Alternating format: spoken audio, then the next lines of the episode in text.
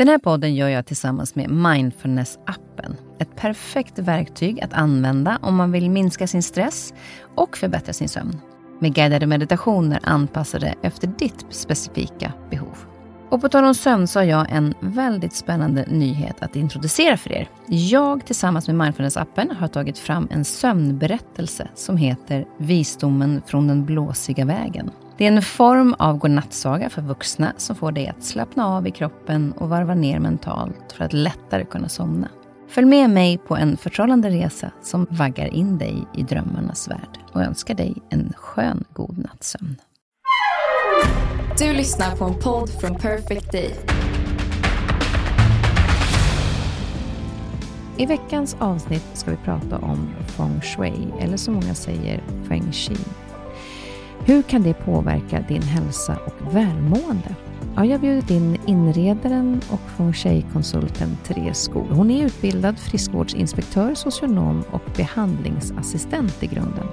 Det var runt 2016 som Therese började tappa fotfästet och sin inre kompass och hon började sin resa mot och med feng shui. Hon mötte stora utmaningar som kom samtidigt. Det var allt från flytt, utmaningar på jobbet och familjemedlemmar som blev allvarligt sjuka och flera begravningar följde därefter. Det gick så långt att hon kände att hon ville dö, hon orkade inte mer. Hon kom inte ur den sorg som hon hade drabbats av. Det var då en nära vän rekommenderade henne att söka feng shui-utbildning. Där upptäcker hon saker om sig själv under utbildningens gång. Inte bara små förändringar som hon kan göra i sin omgivning för att känna ro, utan det hjälpte henne även att komma åt sina känslor och då kunde hon börja bearbeta på riktigt. Vi är så många som går igenom tuffa perioder i livet och behöver hjälp och inspiration att ta oss vidare ur det. Och jag är nyfiken på Therese historia och hur feng shui hjälpt henne. Och vad är feng shui? Hur ska man göra för att tillämpa det och vad händer med oss faktiskt både fysiskt och mentalt? jag är så glad att Therese tog kontakt med mig så att hon kan få inspirera oss genom att berätta om sina erfarenheter och sin väg från när allt var svart till att vara tillbaka i ljuset igen. Välkommen Therese! Tack så mycket Kristin! Så roligt att du, för du hörde av dig till mig. Det gjorde jag på Instagram. Exakt. Väldigt roligt att komma i kontakt med människor som... Det är det som är så lite kul med den här podden också. Att, att först var jag i början tänkte så här, hur ska jag... Jag är nyfiken på många, men jag ska komma på 52 personer varje år. Precis. Och sen finns det ju så otroligt många människor där ute som man bara här, får höra om och bara, mm. men gud, det här låter ju spännande. Mm. Så tack för att du sträckte ut din hand. Ja, tack för att ni tog emot min hand. um, hur mår du idag? Mår du bra? Jag mår jättebra. Solen skiner och det gör alltid mig på bra humör. Så att ja. idag är en riktigt bra dag och så får jag komma hit till Stockholm och träffa dig. Och, ja, men det är toppen idag. Ja, vad härligt. Vi ska prata om det här med, då, jag säger eh, tidigare då feng shui, ja. men det heter feng shui. Ja, jag säger feng shui oftast. Ibland säger jag feng shui också, för att det är så få som känner igen feng shui när man säger det. Ja, det är så va? Ja. Eh, så feng shui är ju det försvenskade uttrycket. Mm. Feng shui är ju mer internationellt. Så att efter att jag utbildade mig så började jag säga feng shui. Innan dess så sa jag feng shui. Ja. Men man, så säger man inte feng shui så är man inte helt ute ändå, utan det är okej okay att säga feng shui. Det är helt okej. Okay. Kärt barn har många namn. exakt. Exakt. När du, jag tänker, du, vi ska ju prata om det en hel del, men vi ska också prata hur det kommer sig att du kom in. För du har ju lite speci liksom en, en speciell historia, för det hände väldigt mycket saker under, kanske man kan säga en kortare tid, som gjorde det väldigt tufft. Mm. Och att det här hjälpte dig på, ut ur det och på vilket sätt du gjorde det. Men då tänkte jag, för det handlar ju lite grann om, om det man tänker, jag tänker på, så är det mycket inredning och så. Mm. Hur känner, känner du av när du kommer in på olika ställen väldigt snabbt, just så här, känsla och energier i lokalen, till exempel om du kommer in här i studion? Ja, men det gör jag. Jag tycker att man känner nästan, innan jag ens blir medveten om det, så känner jag om det är en en skön plats att vara på. Eller om det är en plats där, oh, det är något som skaver här. Eh, det är inte alltid, oftast så liksom, jag går inte ens in i och analyserar vad det är jag ser eller va, liksom varför det skaver, utan det är bara ett konstaterande att här var skönt att vara, eller nej, här måste vi kasta in en handgranat och göra om. eller liksom. man måste också klia lite grann i fingrarna när man kan det där, när man vet att det går att göra någonting åt det här. Ja, men det kan det göra. Sen, det är också viktigt, jag skulle aldrig ge någon råd eller riktlinjer eller någonting om man inte ber mig om ett, eh, ja, men min åsikt eller utifrån mitt, mitt perspektiv. Mm. för jag tänker det är också viktigt, det handlar ju om andra människor och man pratar om att hemmen är en förlängning av oss. Eh, och jag menar, det är som att trampa och kritisera en annan person. Om jag skulle kliva in och bara, du, du, du, här, här är det fel, här måste du möblera om eller tillföra andra färger. Eller det, det skulle vara totalt tjänstefel av mig. Eh. Men om jag frågar dig då, när du kommer in i den här studion, hur kändes det här inne? Det är ju ett jättebehagligt rum. Mm. Alltså det känns väldigt mjukt och sen hade jag kanske gärna sett ännu fler växter. Det är, också, det är någonting som jag många gånger saknar, är mm. växter. Vi ska komma in på lite senare, eh, just det här också med, med växter och vad det betyder för en. Men eh, jag vet ju att du har haft många utmaningar i livet och det finns ju olika sätt att hantera det på. Men det finns också många möjligheter och du hittade din väg. Men för att vi ska förstå lite grann och lära känna dig, mm. eh, så tänkte jag att vi skulle prata lite grann om din bakgrund och när när det var där det blev en starten till den tuffare perioden. För var det så att det var 2016 det började ungefär? Ja, och det är ju någonting som jag har kommit på i efterhand. Och så sett så det enda som har hänt mig är ju livet. Alltså jag har inte varit med om något så här supertraumatiskt eller krig, eller, men, men däremot så hände det väldigt mycket på kort tid och av helt vanliga saker. Men 2016 flyttade jag till Trollhättan från min hemstad Västerås. Eh, för kärlekens skull. Och jag tror, när jag tittar i backspegeln, så var det där det började. Det var då jag tappade bort mig själv. Liksom. Vad var det som hände då när du kom till Trollhättan? Jag fick jobb mycket snabbare än vad jag hade tänkt, så att jag flyttade hem till mina svärföräldrar. De är helt fantastiska, så jag bodde i deras lägenhet ihop med dem. Eh, upp en planlösning och jättetrevligt.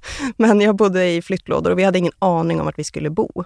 Eh, så jag tror att jag bara jag kände ingen. Jag hade liksom inget sammanhang. Jag gick all in i ett jobb som jag egentligen inte ville ha. För innan jag flyttade så hade jag mitt drömjobb. Jag, jag var verkligen... Vad gjorde du då? Då, då var jag på frivården i mm. Västerås. Så att jag älskade mitt jobb, jag älskade mina kollegor, jag, jag, älskade hela mitt liv och min tillvaro. Mycket vänner, mycket... Ja. Och så flyttade jag till Trollhättan. Min man bodde kvar i Västerås då i vår lägenhet, för den var inte såld än. Så jag flyttade ner själv till hans föräldrar känner ingen, jobbar på ett jobb som jag bara tackade ja till för att jag var så rädd att jag inte skulle få något.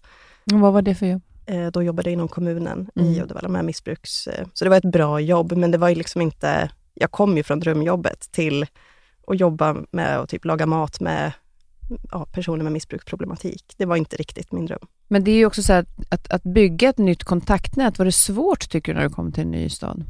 Ja, men alltså det tar ju tid. Idag har jag ju ett väletablerat kontaktnät och liksom ett rikt eh, socialt liv, så att det, det, idag är det inga problem. Men när man kommer som vuxen till en ny stad och då jobbade jag dessutom i Uddevalla som ligger tre mil ungefär från Trollhättan. Så att, och vi var inte jättemånga på den arbetsplatsen.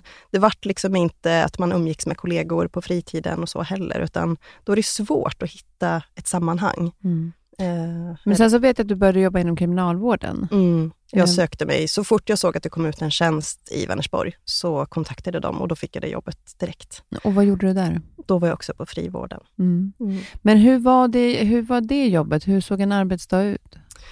Det var ju väldigt mycket möten med... Eh, frivården är ju en del av kriminalvården där man jobbar med personer som är ute i det fria, men som står under övervakning. Så att de man jobbar med är ju skyldiga att komma på möten, men får ju utöver det bo hemma hos sig själva och jobba och liksom. Eh, så det var väldigt mycket möten med kriminella. Mm. Och mycket möten även med kollegor och APT och allt vad det var för någonting. Och vad, vad, vad, är det som du tycker om med det jobbet? För jag kan tänka mig också att det är ganska känslomässigt också, därför att det är människor som har hamnat snett mm. och är skyldiga, men, men försöker hitta en ny väg i livet. Alltså ja. hur, hur balanserar man den ja, alltså, känslan? Jag älskar ju att möta människor och jag älskar att prata med människor och liksom få... Den bästa belöningen var ju när någon gjorde en liten förändring i rätt riktning. Bara, men jag valde att slå i väggen istället för att slå i ansiktet den här gången. Ja, men det är ett framsteg. Vi är inte framme än, men det är ett framsteg. Sen var det väldigt många såklart tragiska livsöden och det var ju också under den här perioden när det verkligen började Eh, rasa för mig. Eh, så hade jag, jag tror det var fyra av mina klienter som gick bort under, ja, säg sex månaders tid. Och det var också så här när man hade hopp Att den här personen vill verkligen ha gjort sån stor förändring redan. Det finns förutsättningar till att kunna gå riktigt bra och så går de och dör. Där det liksom är hjärtat stannar bara på den ena och den andra var liksom missbruksproblematik. Alltså men det, det, det, var, det var tufft såklart. Men är det svårt det där då att, att gå hem från jobbet och lämna jobbet ja. på jobbet? Utan man tar med sig jobbet hem för att man bryr sig så mycket om de människorna? Ja, men det gör man. Mm. Eh, sen, jag var ganska duktig på att stänga av. Så. Sen vet jag inte om det var positivt. Men jag märkte ju också att när jag själv, alltså när livet drabbade mig, om jag säger i mitt privatliv, när, när jag, ja men, människor jag älskade och brydde mig om blev sjuka och gick bort, så kunde jag ju inte hantera gränssättningen eh, och liksom lämna jobbet på jobbet. Då blev det ännu mer att det kröp under skinnet på mig. Jag hade, jag hade inga, inga murar kvar. Ja, för det blev ju så sen, för du, efter ett par år var det va, som ni sen skulle gifta er och det var då som det började hända saker i privatlivet. Ja, det var i alla fall strax därefter. Vi gifte oss 2017 och jag jobbade väldigt mycket, så jag var väldigt stressad. Liksom. Men då var det saker och ting rullade på. Eh, det var 2018 som det verkligen började. Eh, det började på våren 2018 med att eh, min pappa fick cancer. Och han, vi har ett familjeföretag, så hela min familj jobbade ju på hans företag och från en dag till en annan så bara, vi måste lägga ner. Eh, så samma dag som han låg på operationsbordet så satt min mamma och sa upp personalen ihop med facket. Eh, så min bror, min mamma och min pappa arbetslösa över typ en dag i princip och jag sitter i Trollhättan och kan inte finnas nära. Jag som alltid har, eh, jag står min familj väldigt nära. Mm. Eh, så det var, det var jättetufft att inte kunna finnas där, framförallt för mamma som fick dra runt allt. Liksom. Men var det inte så också att runt omkring bröllopet att det hände också eh, att någon blev sjuk och att ni åkte iväg på bröllopsresa och så? Jo, det var på bröllopsresan och den då åkte vi på 2018. Ah. Eh, vi, det tog ungefär ett år innan vi kom iväg på bröllopsresan och vi startade ju, vi kom till flygplatsen, precis när vi hade fått in flygplatsölen så fick jag ett meddelande om att min farfar hade gått bort. Eh, och jag kände bara att vi skulle vara borta en månad. Nya Zeeland, Cooköarna. Nej, jag kan inte ställa in den resan för att gå på en begravning. Det går inte. Nej, så vi var redan på flygplatsen. Ja, mm. så vi bara, skål farfar, vi drar. Eh, så vi åkte på den här resan ändå. Och under den resan, det var en månad där det bara alltså, duggade sjukdomsbesked. Och, eh, Vad var det mer som hände? Ja, alltså när vi satt på Cooköarna så bestämde sig jag och min man för att vi skulle ringa hem till våra familjer samtidigt. Så han satte sig på stranden och jag satte mig i vår bungalow och så ringde vi hem. Och så berättade mina föräldrar att min pappa har fått en Alzheimers diagnos. Och samtidigt så ser jag hur min man börjar gråta. Och då visade det sig att hans pappa har fått cancer. De har hittat en jättestor tumör på njuren och eh, sex månader senare så gick han bort. Så de beskeden fick vi samtidigt. Eh, min mormor fick besked om att hon hade lungcancer. Min morfar åkte in akut med ambulans och det visade sig, han har haft cancer i många år, men då visade det sig att han hade fått metastaser i ja, levern och hela, så två veckor så gick han bort. Eh, hans fru ALS, eh, jag har säkert glömt någon, alltså det var, det var helt sjukt under den månaden. Hur hanterade ni det när ni var iväg? Egentligen på er lyckligaste perioden i livet, ja. här, in, förutom kanske barn, men, men där man verkligen ska njuta av kärleken och få mm. vara lyckliga. Hur hanterade ni den, den tiden? Vad minns du från den resan då? Nej, men vi var lite sådär, eh, ja, men när vi fick de här beskeden med Alzheimers och med, med tumören som hade hittat på min svärfars njure, och att ska vi åka hem. Men samtidigt så bara, men vi kommer aldrig komma iväg till Nya Zeeland och Cooköarna igen. Och nu är det bara två veckor kvar av den här resan. Vi njuter. Vi kan ändå inte göra någonting. Det är ju som det är. Och min svärfar skulle opereras och liksom, vi visste inte så mycket mer då om hur allvarligt det var. Det fanns ju fortfarande hopp då. Eh, så att vi försökte verkligen att bara njuta där vi var. Och det gjorde vi verkligen. Det var bästa resan jag har varit på. Alltså. Så det blir men, lite så dubbelt också, för det finns ju en sorg och så finns mm. det en lycka, där, där livet verkligen möts mm. på ett sätt som, som det kanske inte så ofta sker på det sättet och så intensivt. Mm. Men även om du kunde njuta den tiden så vet jag också att du började också må dåligt, för att det blev ju väldigt mycket saker på en mm. gång. På vilket sätt märkte du sen att det började påverka dig rent mentalt och fysiskt kanske? Alltså det är svårt att säga när det började. Eh, för att jag tror redan 2017 när jag var så där stressad med jobbet att det hade börjat redan då. Den här, där jag började tappa hoppet. Jag började tappa glädjen framför allt. Jag var inte riktigt glad. Allt handlade om att jobba och liksom... Um, så det var efter, jag kommer inte ihåg vilken begravning vi var på, men kanske min morfars Eh, när jag var på väg hem från Västerås tillbaka till Trollhättan, när jag satt i bilen, så då hade jag, jag hade gått med liksom hopplöshetskänslor så länge, i säkert två år. Och då när jag mötte en lastbil så tänkte jag sätta mig själv i fronten för att jag skiter i det här. Det finns ingen mening med någonting. Och det var verkligen så nattsvart inombords och jag trodde liksom inte att jag ens kunde drabbas av sådana tankar eller ens vilja ta livet av mig. Men jag ville verkligen inte leva för jag såg inget... Alltså vad är det för mening? Vi ska ju dö. Alltså, lite så. Mm.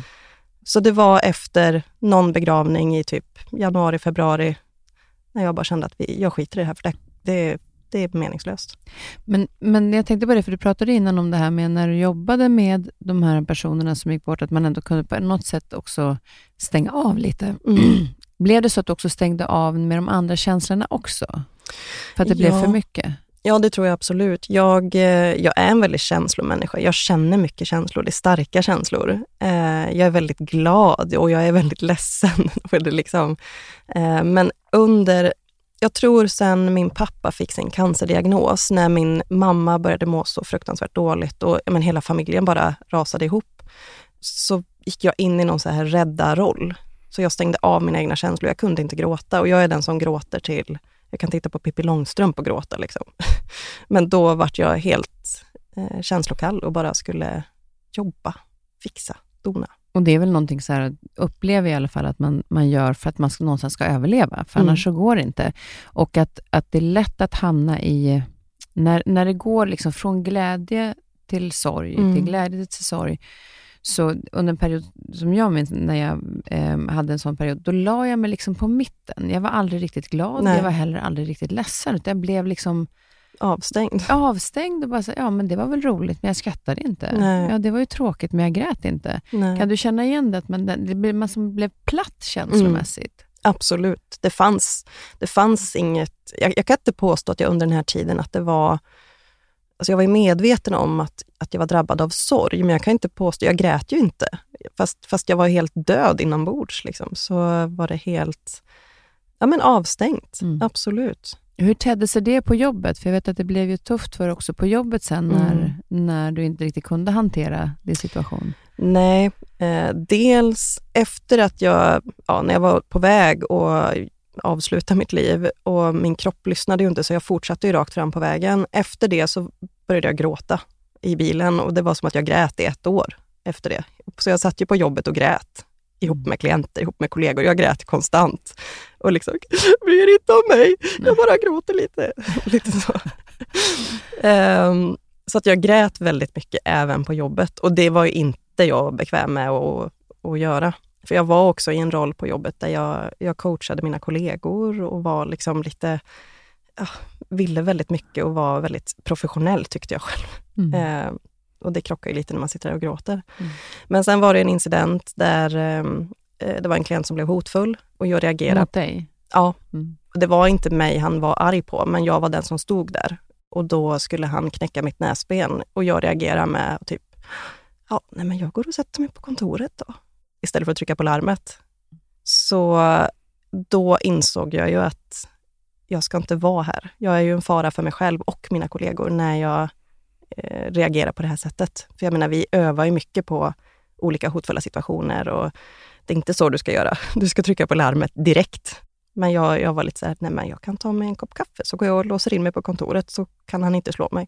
Men mina kollegor som stod där, som kanske riskerade att liksom utsättas för fara, de tänkte jag inte så mycket på.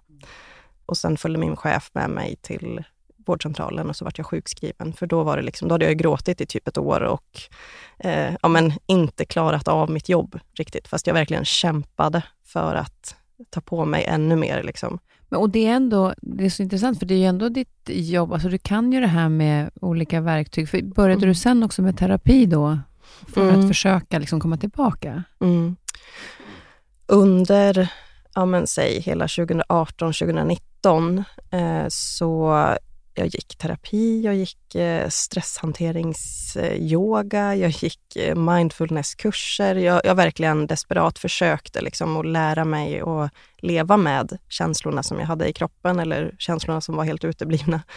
Men det funkade inte och jag jobbade ju med KBT i, mitt, i min yrkesroll. Jag kunde rent logiskt ersätta mina destruktiva tankar mot bättre tankar. Men känslan hängde ju inte med. Det var det som var den svåra nöten att knäcka. Att få med känslan på tåget. Var det därför inte de här verktygen fungerade då? eller? Ja, för jag kunde liksom logiskt se... Jag skrev tacksamhetsdagbok, vilket är helt fantastiskt bra övning så, men känslan var, jag var ju fortfarande helt rutten inombords. Det fanns ingen glädje, det fanns inget hopp, det fanns liksom ingen... Känslan vägrade att ändras, även mm. fast jag kunde tänka andra tankar. Så nej, det, det funkade liksom inte. Hur, hur, kommer, hur gjorde du för att möta den? När hände det? Ja, men när jag blev sjukskriven, då, var jag ju, då hade jag gått med vita knogar så länge. Och då har jag en av mina absolut bästa vänner är terapeut och en helt fantastisk sådan. Och hon sparkade mig i baken och bara, nu gör du något som bara är kul. Skit i allt, liksom. bara anmäl dig till någonting som du tycker är roligt. Och då anmälde jag mig till den här kursen i feng shui.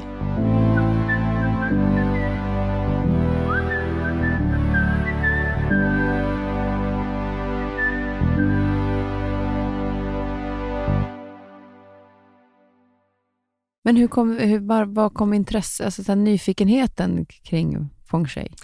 Men nyfikenheten har alltid funnits, ända sedan jag var liten. Eh, jag har alltid känt av ja, men de här känslorna när man kliver in i ett rum, om det känns bra eller inte. Eller om jag har haft sängen på vissa ställen så har jag haft svårt att sova eller antingen sovit jättegott. Liksom. Jag har varit så känslig för sådana saker. Jag har aldrig varit intresserad av inredning. Utan för mig var det mer det här besjälade, eller liksom, men känslorna, vad är det som händer? Eh, så jag hade spanat på en utbildning i feng shui i alltså säkert åtta år. Men, inte, men det kostade lite pengar och jag liksom när ska jag hinna och varför ska jag? Eh, bara för att det är någonting jag tycker är roligt. Men om du skulle berätta, vad, vad, är, för de som inte vet vad det är för någonting, vad är feng shui? Eh, jag skulle säga att feng shui handlar om att leva i harmoni med omgivningen. Eh, feng shui för mig är energier. Allt är ju energi, precis som ser man det vetenskapligt så är allt atomer som vibrerar ihop. Jag ser det som energi, fast det är liksom atomer kan vi säga. Eh, så att allt hänger ihop och påverkar varandra. Och när vi förändrar någonting i vår omgivning så förändrar vi och påverkar vi oss själva. Så feng shui är en form av livsåskådning skulle jag säga. Och, och, och den utbildningen, vad, vad, innebar den? Den innebar ju att jag fick lära mig eh, historien bakom feng shui. Jag fick lära mig alla de här verktygen som feng shui innebär, som hjälper dig att skapa harmoniska miljöer med hjälp av möblering, med hjälp av färger, med hjälp av en helhet. Mm. Um, men vad är historien bakom då? Ja, men historien bakom, det finns egentligen olika historier kan man säga, beroende på hur man ser det. Men det kommer ursprungligen från Kina och från början så var det bara män som fick utöva feng shui. Och det handlade om att framför allt eh, skapa harmoniska miljöer och goda förutsättningar för typ kungar inför deras begravningar för att de skulle få ett härligt efterliv. Mm. Så att man eh, ja, byggde gravmiljöer som eh, skulle se till att kungarna hade allt de behövde och så inför döden.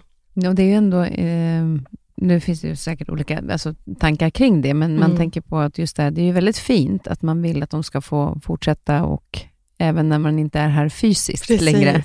Men, men hur skulle du säga att, att, det, att det är liksom, vad var det som gjorde att du kände att det här är någonting som landar i känslan? För det var ju den du inte hade kommit åt. Mm. Vad, vad var det när du gick den här utbildningen som gjorde att du kom närmare dig själv än du hade gjort tidigare i olika terapier? Det var nog när jag började att bli medveten om min omgivning. För jag hade liksom struntat i mitt hem, jag hade inte brytt mig så mycket. Eh, och när jag började förändra saker i mitt hem, ut, ja, det kunde vara en uppgift du fick i skolan och göra någonting hemma. Eller man blev liksom uppmärksam på, hur har jag det hemma egentligen? Eh, här läser vi om vad som är bra för oss och så när man tittar på hur man själv har det, så bara det är ju katastrof. och den här omedelbara effekten man får, rent fysiskt, så kunde jag ju känna skillnaderna i kroppen av lättnad, av glädje, när jag hade rensat en låda eller när jag liksom hade förändrat någonting med medvetenhet i mitt hem eller i min omgivning. Och Varför är det så viktigt om man, om man då tänker kring det? För vi befinner oss ju i väldigt många olika miljöer och vissa miljöer kanske vi inte alltid kan påverka Nej. hur de är, men, men att, man, att man har ett hem som... Varför är det så viktigt att man har det på det, tänker på det på det sättet? För att vi påverkas så mycket, tänker jag. Eh, vare sig vi vill eller inte så påverkas vi av det vi har omkring oss. Eh, av färger, av former, av eh, dina känslor kopplade till det du har, av dina möbler eller prydnadssaker. Och det här är ju också någonting som modern forskning visar. Eh, jag tänker, du hade ju Isabelle Sjövall som gäst för några år sedan och hon är ju, ska jag vilja säga, världens främsta hjärnforskare inom just neurodesign. Och resultaten där visar ju samma sak som feng shui säger, det här är bra för dig. Det visar ju modern forskning också. Mm. Ja, för det finns ingen direkt forskning på feng, feng shui, Nej. eller hur? Utan det, det är mer det här med neurodesignen och det man har kommit fram till där. Mm. Den typen av inredning, om man säger så, hur man ska ha det, Mm. ligger i linje med hur feng shui ja, lär ut. Precis. Så därför så kan man ju någonstans säga att det finns någon form av forskning på det, Mm. men det låter inte samma benämning på det. Nej, det är olika ord. Eh, Men feng shui, det handlar ju mycket om att värna miljön. Eh, det handlar mycket om att omge dig, alltså använd naturen som inspiration. I former, i färger, i, för att få med kontraster. Du har höga träd, du har låga buskar, du har eh, stora blad, du har små blad. Alltså att man jobbar med naturen som förebild och att man också med fördel använder naturmaterial i sin inredning. Att det är bättre för dig med ett träbord än ett plastbord. Alltså du, känslan blir en annan när du får beröra det här träet. Och liksom det är eh, en annan själ i naturmaterialet än det kemiskt framställda. Men Jag tänker också att vi har ju, ehm, om man kommer tillbaka till den här, vilket jag har gjort så många gånger i podden, med olika saker, men just att det är savannentiden, att Ja. vi kom ju från den tiden när det var väldigt mycket, och det pratade också Isabelle om, att eh, hur olika till exempel runda hörn är mjuka och spetsiga blir ett hot på, Mm. på ett annat sätt, eller att man liksom Ja. är mera på sin vakt. Men om man tittar till exempel på, kan väderstreck betyda hur man, hur man eh, har en lägenhet till exempel, i vilket väderstreck det ligger i? Kan sånt också påverka Mm. och hur man kan tänka? För alla kan inte bo åt samma håll. Nej, nej, så är. Vi är ju alla olika. Vi har ju olika behov. Eh, och så är det. Jag, jag har läst om man säger, traditionell feng shui-skola där vi jobbar utifrån en kompass, eh, där man jobbar med väderstreck. Så att varje väderstreck representerar ju olika saker. Eh, så ska du inreda ditt hem så kan du jobba utifrån någonting som kallas för en bagua, till exempel. Och det är? Det är ett verktyg inom feng shui som, eh, det är som en karta med nio olika livsaspekter. Man kan lägga den på lite olika sätt. Antingen så utgår man från väderstrecken och då delar du in, om man säger din planritning, i nio tårtbitar, där du utgår från mitten av ditt hem. Och så ja, norr är kopplat till eh, karriär och livsväg. Söder är kopplat till framgång. Så att varje specifikt väderstreck är kopplad till en specifik livsaspekt. Nu måste jag tänka efter, jag har precis flyttat. Mm. Spännande. Och ja, verkligen. Och jag har just norrläge Mm. eh, och sovrummen är åt öster. Mm. Eh, så morgonsolen tittar gärna in Mm. eh, när jag vaknar. Och sen håller jag på nu och försöker få att man kan bygga, mm, få in ljus från söder. Mm. Hur påverkas jag av till exempel dem? Hur kan man göra då när man har ett norrläge till exempel? Mm. Jag vill ju också ha eh, någonting från söder. Kan man ändå påverka det i sin lägenhet så man kan känna att man får in den, alltså de olika väderstrecken fast den inte ligger så? Ja, och jag tänker att du får ju, när du utgår från mitten av ditt hem, så har du ju alla väderstreck troligtvis. Det, det kan ju vara ibland om man har en lägenhet med väldigt eh, speciell form på, när det inte är en helt kvadratisk lägenhet, för då har du ju det optimala, eh, optimala balansen mellan de olika väderstrecken. Men har man en väldigt konstig form så kan det vara så att något väderstreck nästan inte finns rent platsmässigt i lägenheten. Så att även om du inte har fönster åt söder, så har du ändå energin från söder Ja, i just din det. det har lägenhet. jag. Mm. Min dörr, in, entrédörren ligger åt söder. Ja. ja, den delen. Och sen kan man göra så, det finns ett, ett verktyg inom feng shui eh, som kallas för eight mansions. Eh, då gör man en uträkning på dig som person. Vilka väderstreck är fördelaktiga för dig att ha ditt huvud åt när du till exempel sover eller när du sitter och jobbar?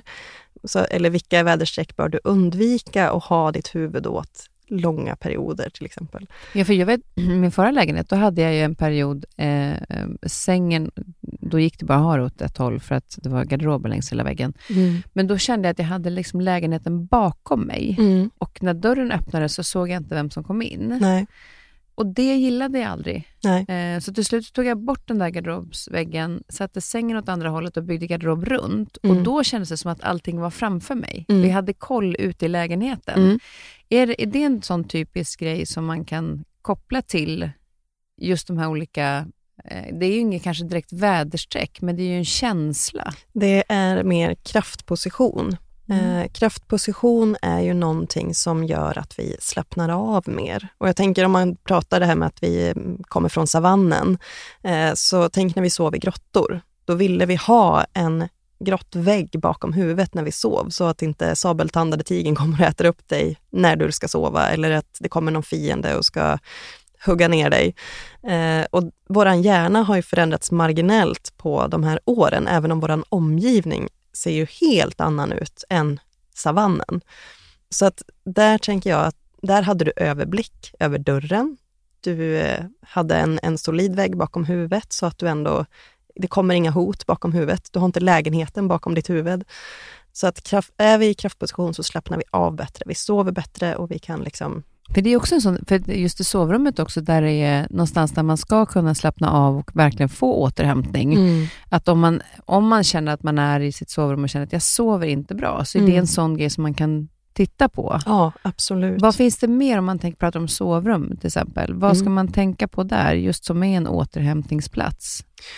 Sovrummet är ju också tragiskt nog ganska lågt prioriterade hemma hos oss. Vi lägger gärna krutet i kök och vardagsrum där, där vi är sociala och där vi tar emot våra gäster. Eh, det är inte så ofta vi träffar och umgås med våra gäster i sovrummen, även om de ibland får följa med dit också. Ja. Så, eh, så att det är, jag tänker som det här med smutstvätt till exempel. Ett sovrum, där vill du ha fräsch energi, du vill kunna komma ner i varv och sova gott. Så smutstvätt, ha inte tvättkorg i sovrummet för att det sprider sunkig energi eller liksom högar med tvätt. Eh, och röra, minska intrycken i sovrummet. Att man eh, eh, att inte ha för starka kontraster rent färgmässigt. Ha hellre ton i ton än vitt och svart. För vitt och svart, det blir liksom väldigt starka kontraster.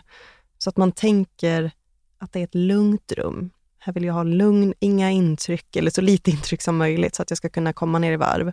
Gärna jordiga toner eller gammelrosa eller liksom lugna färger i ett sovrum. För det vet jag att Isabelle pratar om att som rött och gult till exempel är väldigt energifyllda eh, färger. Och Mm. Det kan man ju kanske vilja ha i delar av lägenheten eller till exempel på ett kontor Mm. I vissa rum där man behöver ha energi. Och, så det är inte det att, för jag, när Isabella hade varit här, då gick jag ju hem och jag möblerade om. Ja, det gjorde det. Ja, jag möblerade om och jag ändrade liksom vissa färger, tog in mera gröna växter. För vad Ja. betyder växter för oss i, i vår omgivning?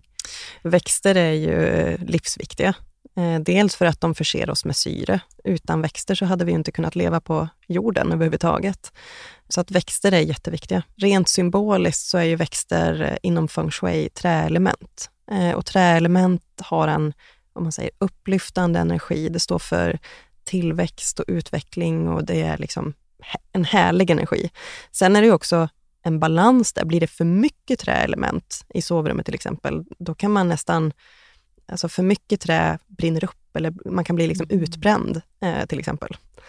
Men mycket växter, man behöver nästan aldrig vara rädd för att, att- det ska bli för mycket växter. Eh, det är väldigt sällan jag ser att någon har för mycket växter eh, när jag gör konsultationer eller när jag kommer hem till någon så.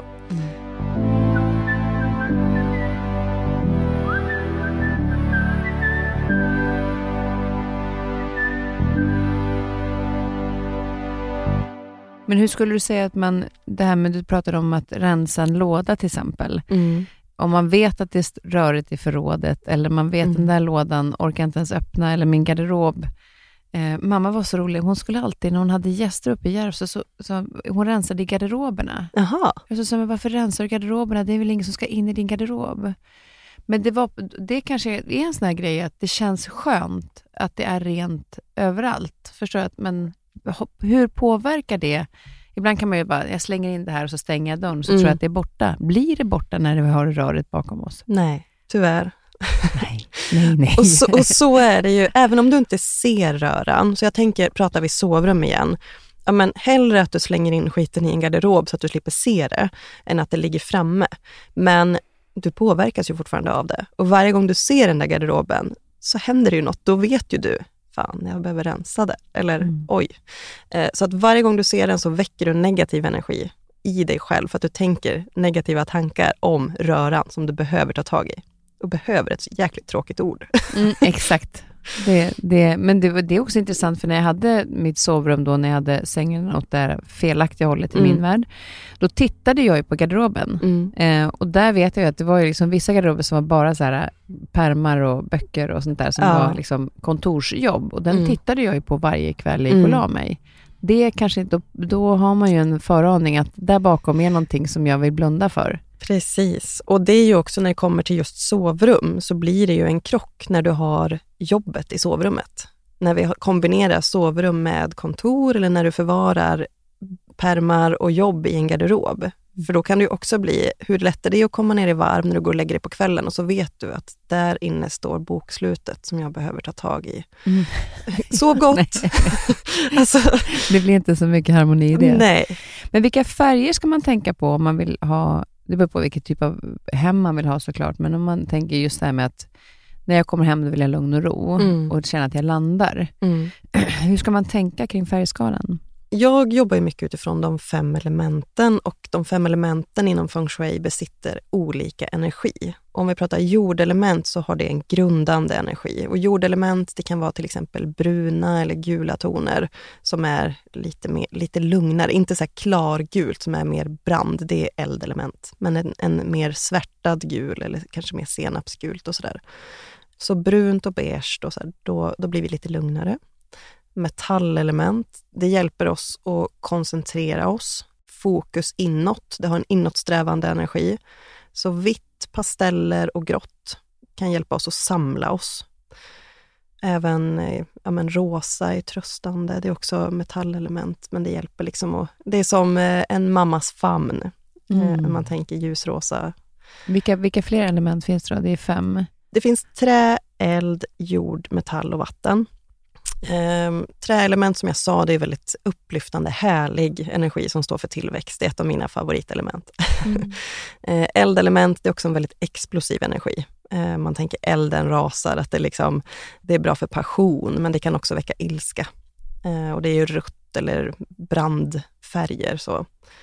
Jord nämnde jag ju, metall nämnde jag ju och vatten. Vatten står för, eh, vatten är lite mystiskt. Vatten är svart eller mörkblåa färger och det är, kan vara bra för kreativitet och lite hemlighetsmakeri och liksom Eh, vatten är väldigt föränderligt som element. Vad Spännande med de här olika varianterna, hur man ändå kan laborera med det. Mm. Och är det, för att jag vet att du har, alltså nu när jag läst lite grann, att det här med kontraster ändå eh, kan vara viktigt. För Mm. ibland, jag vet när min son kom hem till mig i min förra lägenhet och så sa han att mamma, nu när du flyttar kan det hända någonting här hemma. Du har liksom, allting går i liksom en, en mjuk skala av beige, grå, eh, lite grönt. Eh, för att jag var väldigt mycket i det här med att det skulle vara naturfärger, Ja. naturmaterial. Mm. Också mycket tack vare. Och jag tycker att det är också väldigt härligt. Men Mm. alltså, någonting kan väl hända i...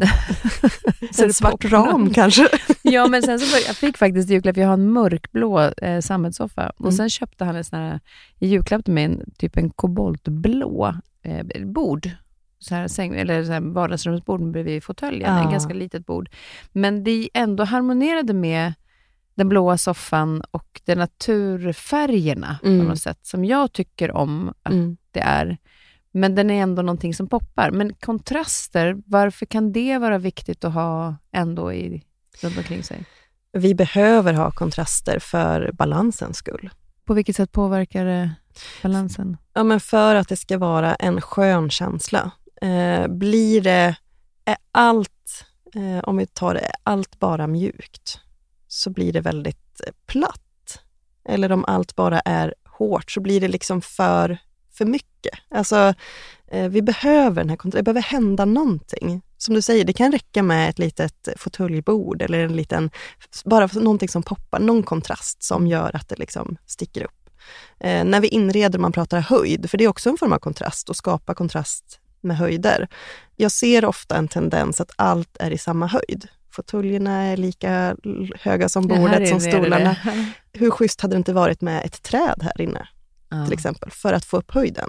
Eller att bara bryta av med en gardin i svart, eller liksom mm. någonting som, som gör att vi får upp blicken lite.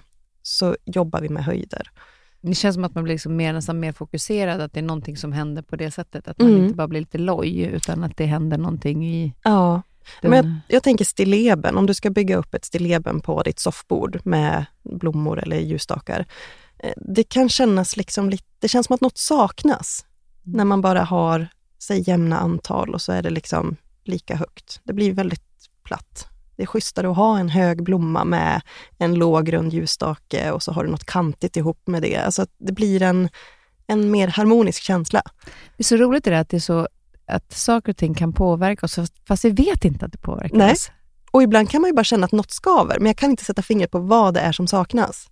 Hur ska man göra då, när man känner att det är så? Kan man liksom, finns det något sätt som man kan så här, titta på det man har runt omkring sig för att så här, hitta vad är det som kan göra att, att det jag känner så här? Mm. För mig, jag skulle säga att de grundläggande verktygen i feng shui är min största hjälp. Eh, för jag är, ingen, jag är inte född med en talang som gör att jag inreder jätteharmoniska miljöer. Men kunskapen om de fem elementen, yin och yang som är kontraster, och om man pratar chi-flöden, gör att det är oftast något av de tre verktygen som, som gör att någonting skaver. Och chi-flödet är? Det är när man möblerar och man tänker hur, hur luften rör sig i rummet. Har du för mycket möbler så att du knappt kan röra dig, då stagnerar energin i ditt hem. Mm. Har du för lite möbler så att det är för mycket öppna ytor och kanske många stora fönster, då blir det ett väldigt starkt chi-flöde. Då behöver vi bromsa det med mattor, med möbler, med lampor, någonting som gör att så att energin får ringla sig fram mer än rusa. Men jag tänker, nu pratar vi ju om, om våra hem. Mm. Sen är vi på arbetsplatsen. Hur ska man tänka där? Till exempel om man har ett uh, kontor. Uh, jag kanske inte kan förändra hela kontoret för att jag, uh, jag till exempel hyr in mig. Nu har jag, mm. älskar vårt kontor och hur de har inrett det. Men, men jag, om jag inte hade gjort det, kan jag påverka liksom min, min lilla, mitt lilla område på ett enkelt sätt? Absolut. Eh, där tänker jag att du kan ha med dig en liten grön växt på ditt lilla kontor eller du kan ta med och tända ett ljus när du sitter och jobbar. Det blir också fint symboliskt. Nu ska jag jobba, nu tänder jag ljuset med en intention och när jag är färdig så blåser jag ut ljuset och så är vi liksom färdigjobbade.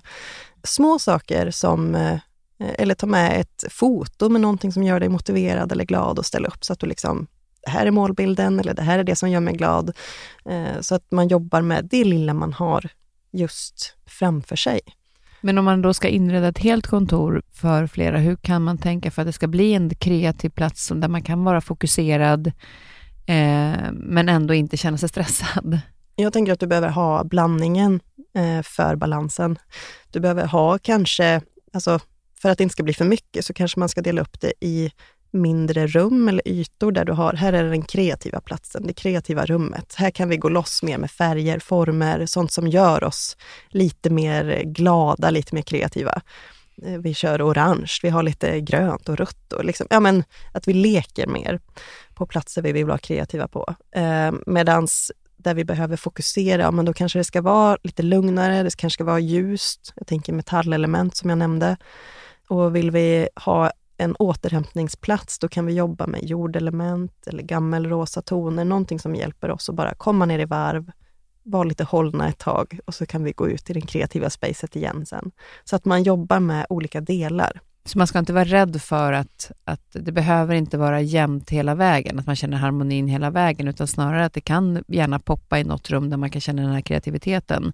Det tycker jag. Sen kan man ju ha eh, att det harmonerar med varandra ändå, för du kan ju hålla dig till, eh, eh, alltså jobbar du med olika färger så kan du ändå hålla dig till samma färgskala, fast du har olika kulörer.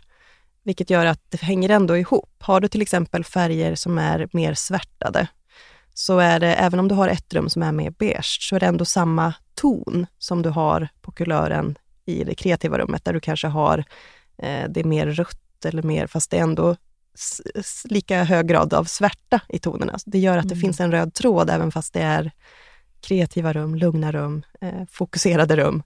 Eh. Kul att, att, alltså, kul att leka med tanken, men också att det faktiskt gör väldigt stor skillnad. Mm. Och när man sen har det, att det, att det sker det här omedvetna. Mm. Men jag vet ju till exempel om man, om man går till ett sjukhus till exempel, som mm. är en plats där, jag vet jag har haft eh, en kompis till mig som eh, var här i podden och hennes eh, dotter då drabbades av en allvarlig sjukdom, så var de ju väldigt mycket på sjukhus. Mm. Och hon tyckte att det var jättejobbigt att vara där, för att det var liksom så långt ifrån sitt hem hon kunde tänka sig och den in, liksom, inredningen är bara kal. Mm. Hur känner du med så, en sån typ av offentlig plats? Vad tycker du att man skulle göra där för att också för det är ju en stresssituation för dem att vara där. Hur skulle man kunna påverka det på sjukhus? Alltså bara lite färg skulle göra så mycket. Eh, färg och form. Eh, förstå och kliva in i ett väntrum som är gammelrosa med lite gröna växter. Bara det skulle göra någonting annat med känslan än att kliva in i ett vitt kalt rum med kantiga stolar. Eller att, ja men färg och mm. form skulle göra så mycket, och växter. Vilken form är det man pratar om då? Mjukare former. Mm. För det mjuka är inte hotfullt kantiga former är hotfullt. Och när vi pratar feng shui, jag kan ta ett exempel på en fruktansvärd byggnad och det är eh, barn och ungdomspsykiatrin i Uppsala. Mm. Om man googlar på hur den byggnaden ser ut, så är den, ser ut som ett spjut, glasspjut som är helt spetsigt, hela byggnaden. Och det som händer med oss när vi ser den typen av byggnad, vår puls går upp, vi spänner oss och så ska man gå in kanske på, jag tänker som barn, och komma in och träffa barn och ungdomspsykiatrin. Man kanske har massa problem man dras med. Alltså, vad gör det med känslan? att bara möta den byggnaden. Hade ja, det, istället, det påverkar. Ja, omedvetet. Mm. Även om du inte är medveten om det, så händer det saker i din kropp när du ser den formen. Och förstå om vi hade haft en mjuk byggnad till våra barn. Mm. Eh, de kliver in i ett väntrum som är, det är sköna färger, alltså mjuka former. Det är inte hotfullt. Och där, nu när vi är inne på barn, så är ju också skolmiljön mm. en sån plats där man kanske... Det finns ju väldigt många olika typer av skolor såklart och vissa kanske är bättre på det än andra, men, men generellt så om man tänker på skolan, i alla fall nu är det väldigt länge sedan jag gick i skolan, men jag tycker inte att det har ändrats jättemycket. Nej. Hur skulle man kunna förändra skolmiljön på ett bättre sätt, eh, just eh, klassrummen och mm. korridorerna och så? Absolut, och även där tänker jag, alltså framförallt kommunala skolor kan man väl säga. För det, jag tänker de privata skolorna har kanske större möjlighet att göra förändringar, men kommunala skolor är ju oftast vita rum, eh, kanske någon space i röd möbel eller någonting för att färg är ju kul. Eh, vilket bara gör att det röda kan göra att det blir större risk för konflikter och kantiga bord. Alltså, skulle vi jobba med färg på väggarna, färg som lugnar oss, behöver inte vara klar röda eller klargröna eller väldigt klara färger är energihöjande. Men hade det varit liksom bara lite mjuka färger, hade gjort jättemycket. Och det är inte så svårt, för de målar ju om titt som tätt ja. i skolorna. Så det är inte så att det är några jättestora kostnader heller. Nej. Så det kunde ju vara ett enkelt sätt, om, om det är någon nu som jobbar på någon skola som, som hör det här, att mm. ändå ett enkelt sätt om man ändå behöver måla om, att bara tänka den, en annan färgskala. Precis. Eh, och eh, just det här att olika färger kan också ge olika energier mm. för, beroende på vad de behöver. Ja. Och där tänker jag, alltså alla barn som har NPF-diagnoser eller andra svårigheter och utmaningar i skolan, förstå om man kunde ha ett rum där man har jobbat med färg och form som hjälper till och det är bättre för fokuset, det är bättre för eh, ja, men, pulsen, mm. allt som hjälper oss att fokusera.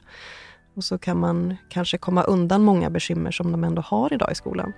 Bara med hjälp av lite färg och lite tyg.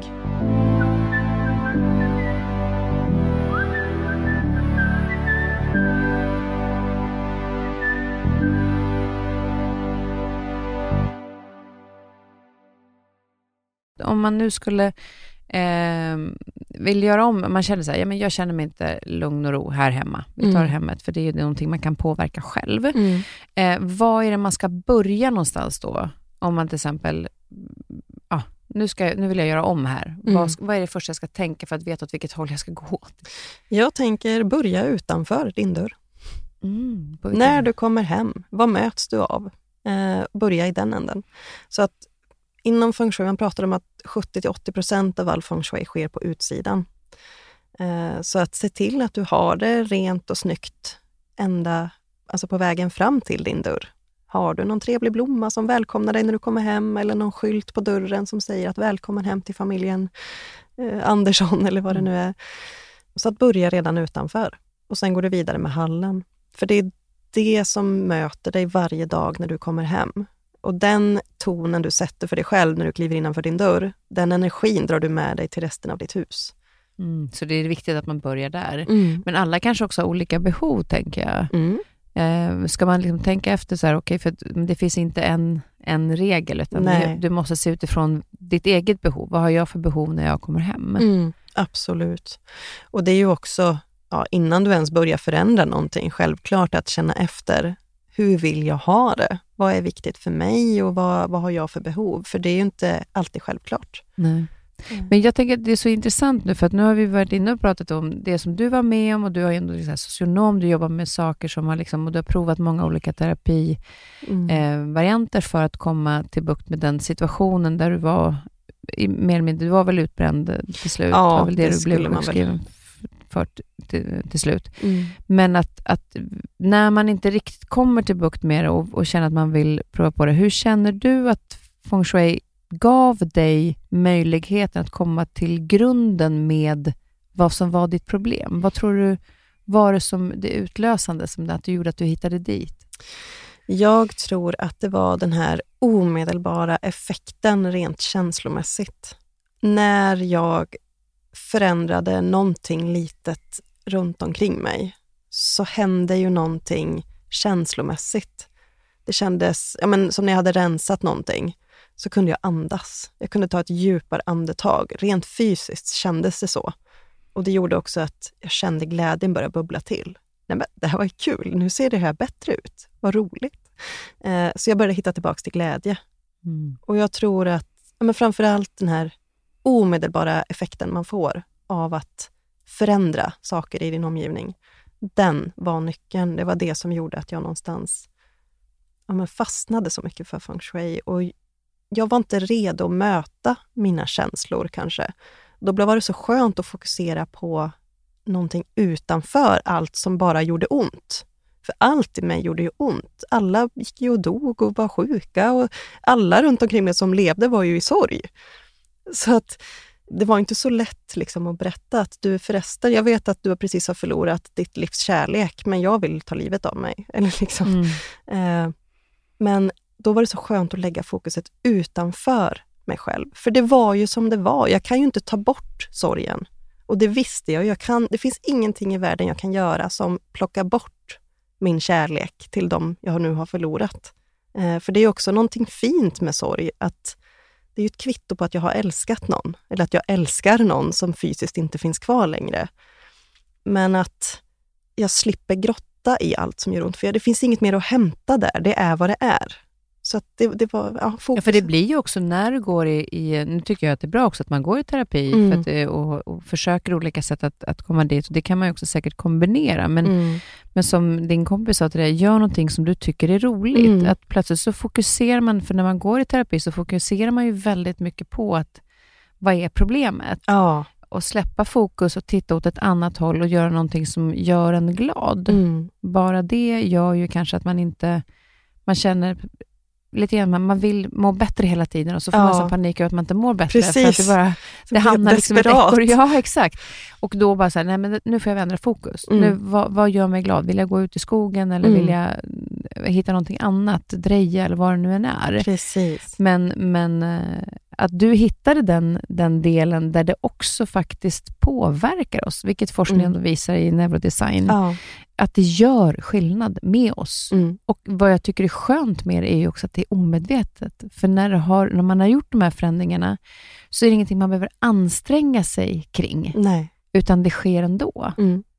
Och där tänker jag att, som med feng shui, för jag upplever att många som börjar utforska feng shui blir ju väldigt rädda. Shit, jag har ju fel här. Eller, alltså, det finns inget rätt och fel. Det finns råd och riktlinjer, och liksom, men jag känner det viktigaste är att du lyssnar till dig själv. Och det tycker jag att feng shui har hjälpt mig med. Att jag börjar hitta min egen känsla.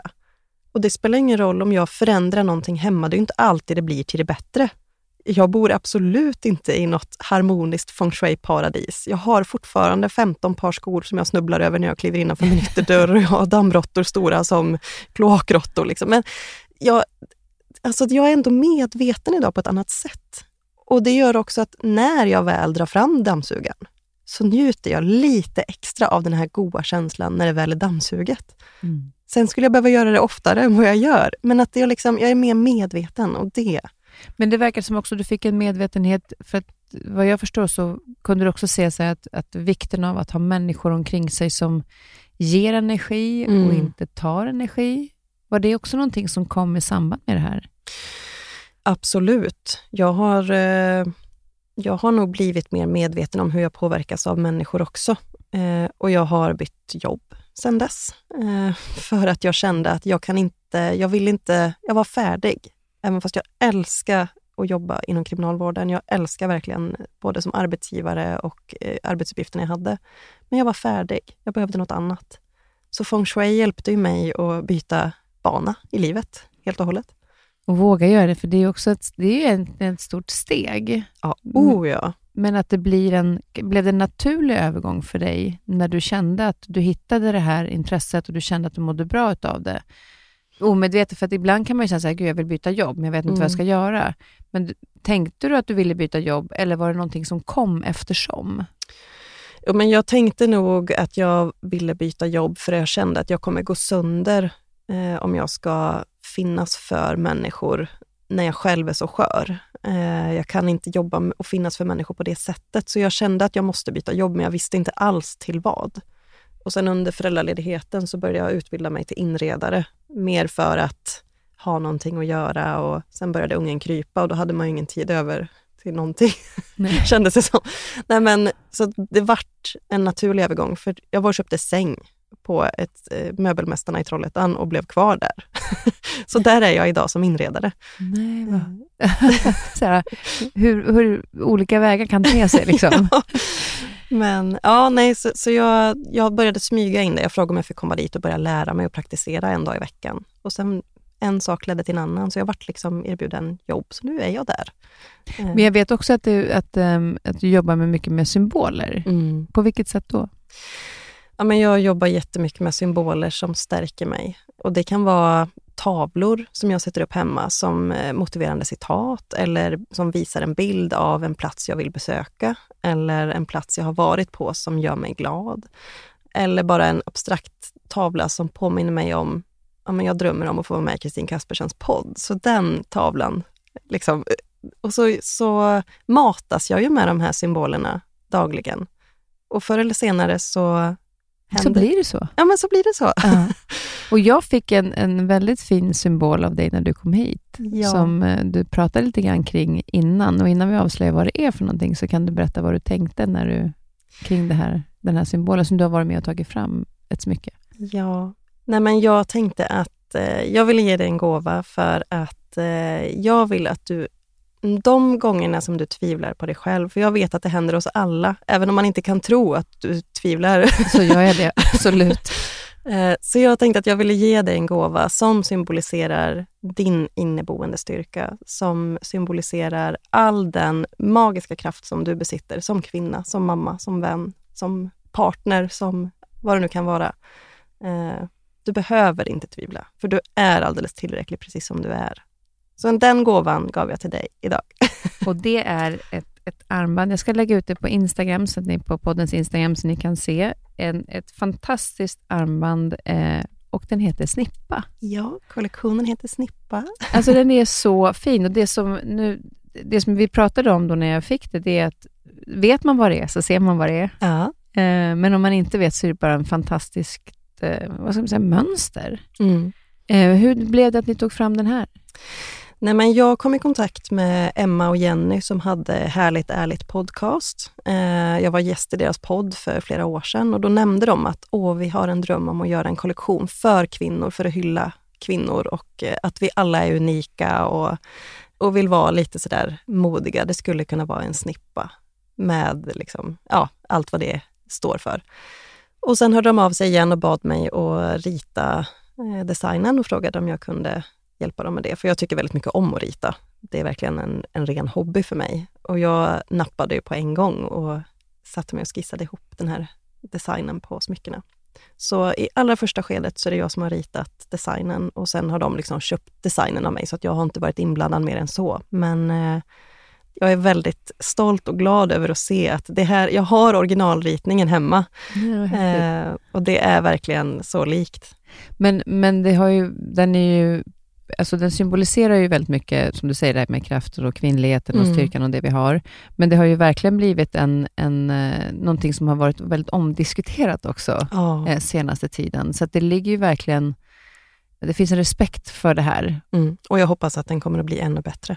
Mm. Efter allt som har hänt med eh, hovrättsdomen som nu ska upp i Högsta domstolen. Ja, verkligen. Nej, men den, är, den är fantastisk. Så jag, vilken, vad är det man kan beställa någonstans om man vill? eh, Vilken hemsida kan man se hur den ser ut på? Eh, man kan beställa från min hemsida, Ja. eh, skogliving.se. Där kan man se hela kollektionen, för det finns det är två olika storlekar på snipporna. De små snipporna är det som du har på armbandet och sen finns det en större modell som är, jag vet inte hur många centimeter den kan vara, men den har med ett eh, hänge också som pinglar lite och en kristall som är, också symboliserar någonting. Ja, gå in på skogliving.se. Skogliving.se. Eh, hur ser ditt liv ut idag? Ja, idag har jag min eh, lilla två och ett halvt-åring, eh, en son hemma, eh, två hundar och en man. Ja, jag jobbar ju som inredare och eh, feng shui, föreläser lite, håller lite workshops och gör lite smått och gott roligt i, i mitt eget företag också. Men också att man har, du har landat efter hela den här... jag vet när, när, vi, när vi pratade innan och så sa du att jag har ju inte varit med om några så här stora saker. Det nämnde du till och med i början. Mm. Men jag tror att också det är viktigt att höra för de som lyssnar, att det Mm. behöver inte alltid vara vad andra tycker är stort, utan det Nej. kan vara för dig stort och för dig jobbigt. Mm. Eh, och det är en del av livet, Mm. men att visa på möjligheten att det finns någonting, det finns olika vägar att komma åt det, men Mm. att det finns vägar. Det finns vägar och också, ja, för jag trodde ju aldrig att jag ens kunde hamna där jag hamnade. Jag trodde aldrig att jag kunde tappa mitt hopp, för jag älskar att leva. Men helt plötsligt så var jag bara millisekund från att göra något riktigt dumt och bara avsluta alltihop. Och alla kan hamna där, trots att för mig, det var sorg jag drabbades av som gjorde att jag liksom fick den här hopplöshetskänslan. Och alla drabbas vi av sorg någon gång i livet. Och det kan bli så att man inte ens kan hantera det, uppenbarligen. Eh, men det finns också hopp. Det går att vända på den steken. Och Det är så viktigt att, ehm, att man får höra olika exempel på hur man Mm. kan gå tillväga. För ibland kan man låsa sig lite grann, man fastnar kanske i en viss te- terapi och så händer ingenting. Nej. Och så blir det en hopplös känsla. Mm. Men att också prova olika vägar, även om man kanske fortsätter med terapi, men som vi pratade om tidigare, att man kan göra någonting parallellt med det Mm.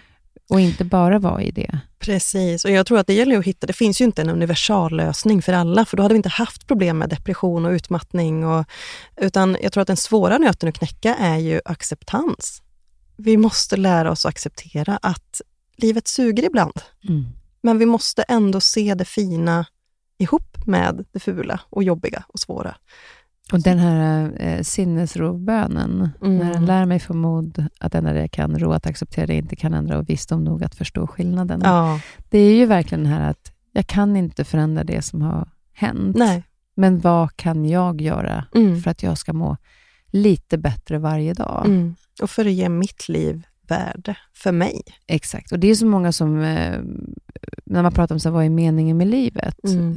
Eh, och då, eh, Christer Olsson som har varit här med i podden, han sa ju det att vad det finns för mening med livet, det är väl också vad du skapar för mening Mm. med livet. Att Han hade med sin fru till Ja. exempel, och man, man säger så det finns ingen mening med det.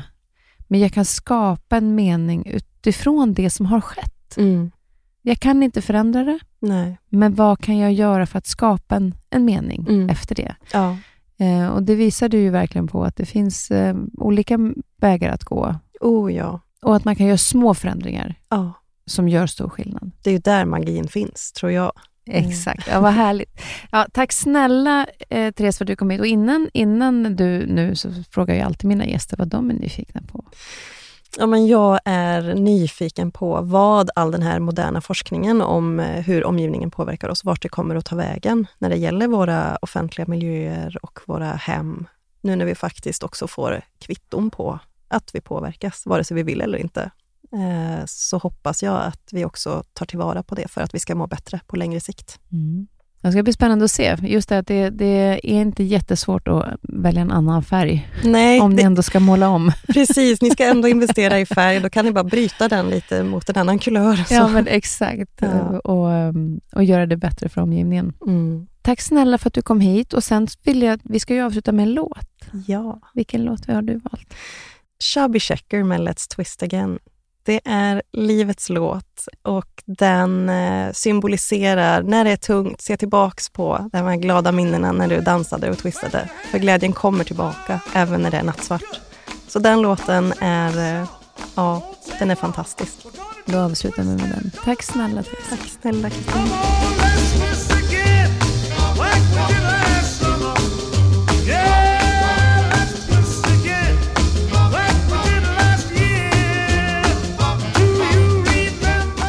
Nästa veckas avsnitt handlar om ensamhet. Sandra Torbjörnsdotter och Susanne Pärlhamn har skrivit en bok som heter Kan vi prata om ensamhet?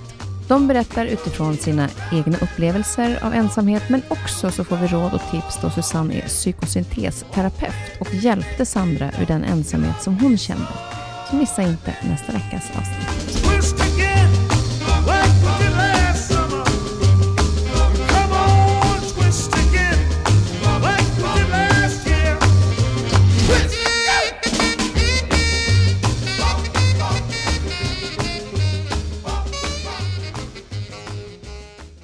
Den här podcasten är producerad av Perfect Day Media.